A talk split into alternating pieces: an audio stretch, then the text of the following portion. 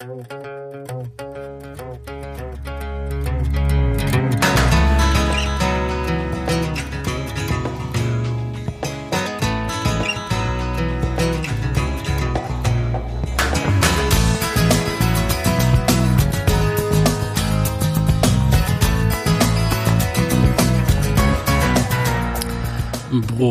הבאים למסך של כסף פודקאסט בשידור לא כל כך חי אבל עדיין רלוונטי.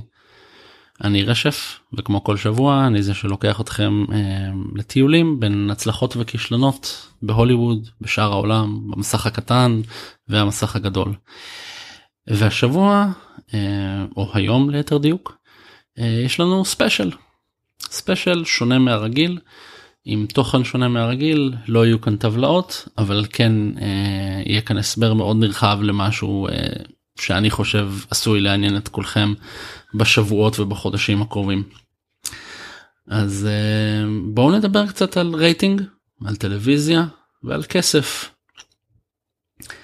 אה, אמצע עד סוף אוקטובר עד תחילת אוקטובר ברוב הרשתות אה, זאת תחילת עונת השידור החדשה.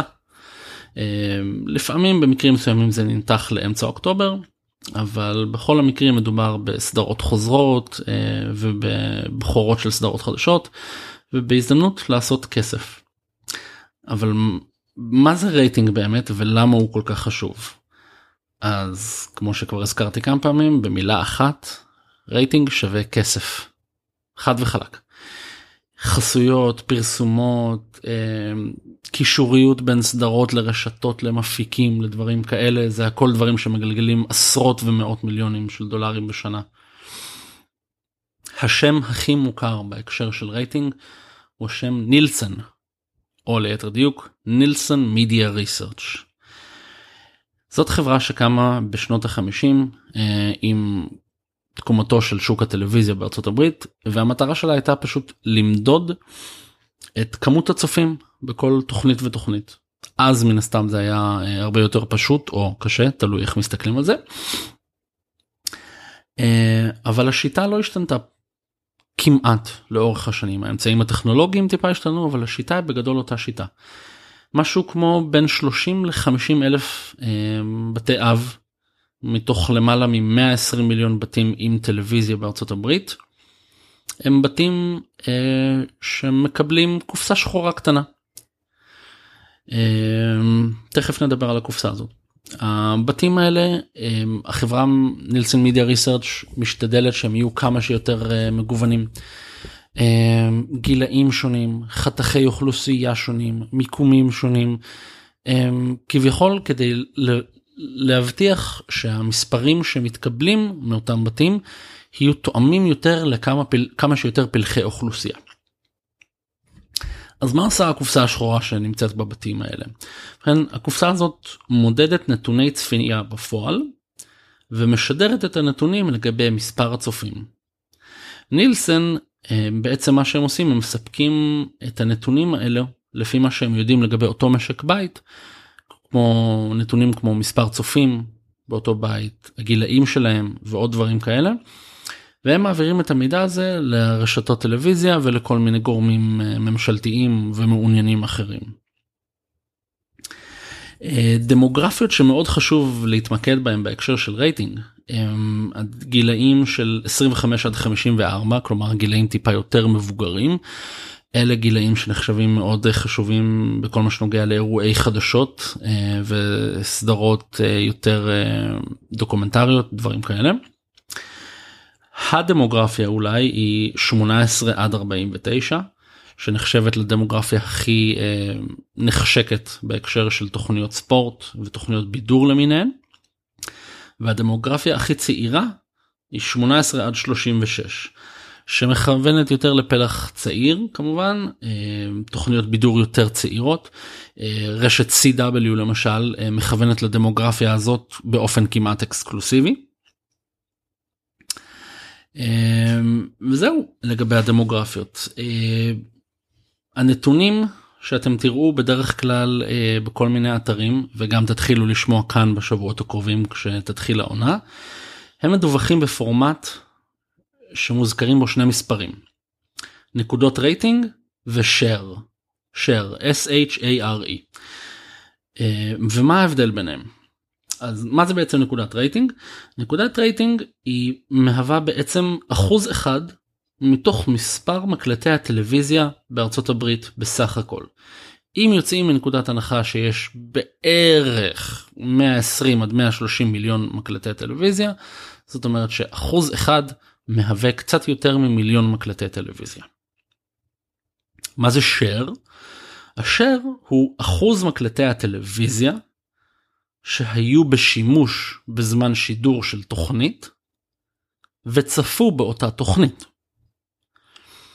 למשל, אם חברת נילסון מדווחת שתוכנית מסוימת, נניח Big Bang Theory, סיימה את השידור הרגיל שלה עם נתוני צפייה של רייטינג של 9.2, share של 15. בדרך כלל תראו את זה 9.2/15. הכוונה היא ש-9.2% מתוך כלל הבתים שיש להם טלוויזיה בארצות הברית צפו בביג בנג תיאורי. ושמתוך כלל הבתים עם טלוויזיה שהייתה בשימוש בזמן השידור 15% צפו בתוכנית. מאוד פשוט. משהו שחשוב לציין בהקשר הזה זה שמאז 2005 אה, נילסון מודדים גם נתונים שנקראים same אה, מכונים בענף אה, shift. מה זה time shift? זה למעשה נתונים של הקלטות של צפיות כמו שאנחנו עושים עם yes מקס ושירותים דומים כאלה ובארצות הברית עושים עם טיבו ודברים דומים. אז מודדים את הנתונים האלה בהטיות של יום כלומר same day פלוס 1 2 3 עד 7. הקטגוריות הכי פופולריות מבחינת ה time shift הם same day פלוס 3 ו-same day פלוס 7. זה חשוב לזכור כי לפעמים אה, נתונים נתוני צפייה מושפעים בצורה די מסיבית אה, מהדברים האלה במיוחד בשנים האחרונות ככל שעולים אה, נתונים של אה, טיבו ושירותים דומים ונטפליקס שמספקים תוכן באופן uh, כמעט מיידי לאחר השידור בארצות הברית והולו ואמזון פריים והשד יודע עוד כמה uh, שירותים כאלו יש. Uh, אז הנתונים האלה נהיים יותר ויותר קריטיים למרות שהנתון הראשוני והעיקרי שעדיין מסתכלים עליו הוא נתון של יום השידור. אז מה עוד חשוב לציין בהקשר של רייטינג וזה משהו שאולי שמעתם פה ושם זה אה, משהו שנקרא סוויפס. סוויפס זה שם מעניין אה, למשהו שהוא כבר די מיושן. אה, רוב המדידה כמו שציינו שנילסון עושה היא מדידה אלקטרונית. אבל מספר פעמים בשנה בדרך כלל בחודשים נובמבר פברואר מאי ויולי נילסון שולחים 2 מיליון טפסי נייר עם שאלות לגבי הרגלי הצפייה שולחים את זה באופן אה, רנדומלי לבתי אב ברחבי ארצות הברית. והנתונים האלה אה, התוצאה שלהם היא הרבה יותר מדויקת הרבה יותר מקיפה ומכילה דמוגרפיות הרבה יותר מגוונות מן הסתם ההבדל בין 50 אה, אלף בתי אב לשני מיליון הוא די מסיבי. אז סוויפס נחשב לתקופה שבהם נשלחים הטפסים וממולאים הטפסים נחשבת לתקופה מאוד אה, נחשקת מבחינת אה, רשתות ומפרסמים. למה? פשוט מאוד כי הם מספקים פילוח מדויק יותר של הצופים. אז כדי לתפוס כמה שיותר צופים רשתות מתכננות כל מיני פרקים מיוחדים לתקופות של סוויפס. הופעות אורח, השקות של סדרות חדשות, פיילוטים שמשולבים uh, במה שנקרא backdoor pilot שבה דמות או כמה דמויות משולבות בסדרת אם ואז עוברות הלאה לסדרה בת. אה, ועושים את זה כדי לתפוס כמה שיותר צופים כמו שאמרתי. אה, משהו נוסף בהקשר של רייטינג שהוא לא מדויק לחלוטין אבל גם צריך לציין אותו אם אנחנו כבר מדברים על זה זה נטפליקס והולו ואמזון פריים ושירותים דומים. הם אף פעם לא יכללו בנתוני רייטינג אבל להם יש יתרון מאוד מסיבי. נטפליקס למשל יכולה לדעת בדיוק כמה אנשים ומאיפה ואיך ומתי צפו בעונה החדשה של נרקוס למשל. או בפרק האחרון של designated survivor או בסרט החדש של וויל סמית. מן הסתם הם יודעים כי נכנסתם לחשבון שלכם וצפיתם באותו תוכן אז uh, יש להם נתון מדויק. אז גם אם מדובר בנטפליקס בהולו אמזון פריים ודומיהם שמשדרים אה, אונליין סדרות שמשודרות גם ברשתות בארצות הברית וגם אם מדובר בפרקים חדשים לחלוטין שמשודרים שם מיד לאחר השידור או 24 שעות לאחר השידור הנתונים האלה לא ייכללו בנתוני רייטינג אף פעם כי הם מגיעים מחוץ לאמצעים קונבנציונליים אז כן אפשר להשתמש בנתונים האלה אבל לא הם לא ייכללו כחלק ממקשת הרייטינג כולה. אז למה בעצם רייטינג כל כך חשוב? כי כמו שאמרנו בהתחלה כסף אבל יותר ספציפית איך זה משפיע על כסף. איך מספרים ודמוגרפיות וכל הדברים שהזכרנו עד עכשיו משפיעים על כסף. ובכן רשתות טלוויזיה גובות כסף ממפרסמים עבור זכות לפרסם מוצרים בתוכניות שלהם. ככל שתוכנית מצליחה יותר הרשת יכולה להרשות לעצמה לבוא למפרסם מסוים ולהגיד אנחנו רוצים x דולרים בשביל לשדר פרסומת של 30 שניות של 45 שניות של דקה. הסופרבול למשל שהוא אירוע ספורט מספר אחת בארצות הברית ומבחינת רייטינג כנראה גם בעולם. כל שנה הסופרבול הוא האירוע הבודד הנצפה ביותר בארצות הברית. נדיר מאוד שהסופרבול הוא לא מקום ראשון בכל שנה נתונה. ואם לא שמעתם או יצא לכם להתקל בנתון הזה אז הנה משהו שיסדר לכם את הראש. רשתות שמשדרות את הסופרבול וזה נעשה ברוטציה דורשות ומקבלות ברוב המקרים יותר משתיים וחצי מיליון דולר עבור 30 שניות של פרסומת. תיתנו למספר הזה לשקוע רגע שתיים וחצי מיליון דולר בשביל 30 שניות ולמה? כי כל מפרסם היה מוכן לפרסם לשלם את הסכום הזה אם הוא יודע שהחשיפה שהוא מקבל היא יותר מ-100 מיליון איש. 100 מיליון איש צופים כל שנה בקירוב בסופרבול אם לא יותר מזה רק בתחומי ארצות הברית. תחשבו אם רק אחוז אחד שראה את המשחק ראה פרסומת ורכש מוצר או שירות בעקבות פרסומת תחשבו כמה כסף אותו יצרן יכול לעשות.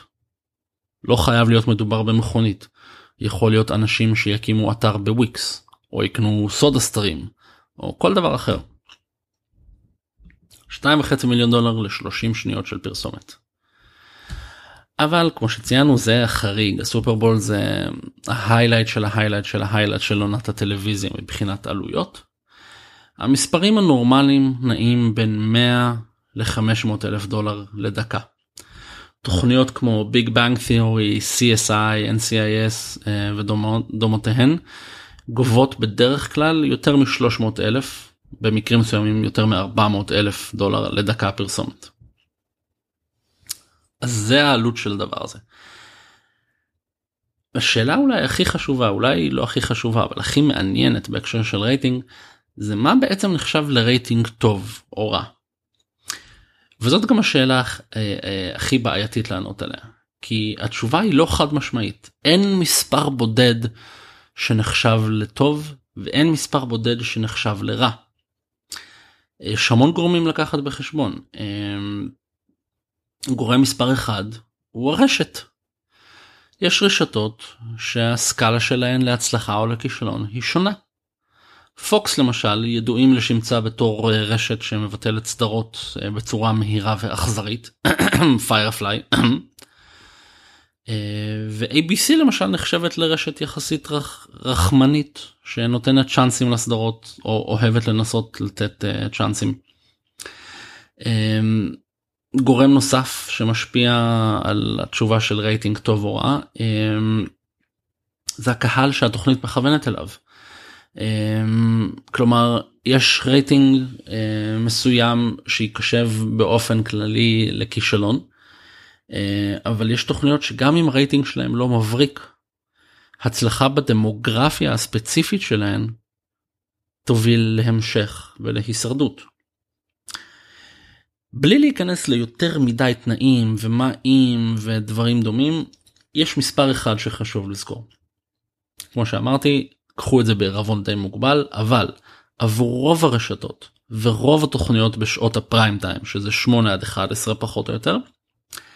רייטינג שיורד באופן קבוע מ-2.0 יוביל לביטול.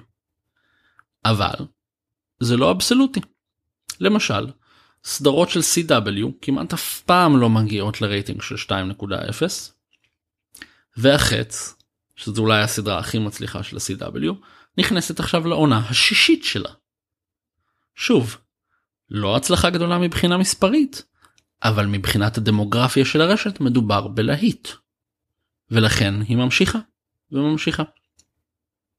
אבל יש עוד המון דוגמאות לביטולים מוקדמים למרות שסדרה הצליחה יחסית יש המון שיקולים נוספים כמו למשל הסטודיו שמפיק לעומת הרשת שמשדרת ואלף ואחד קונפליקטים כאלה.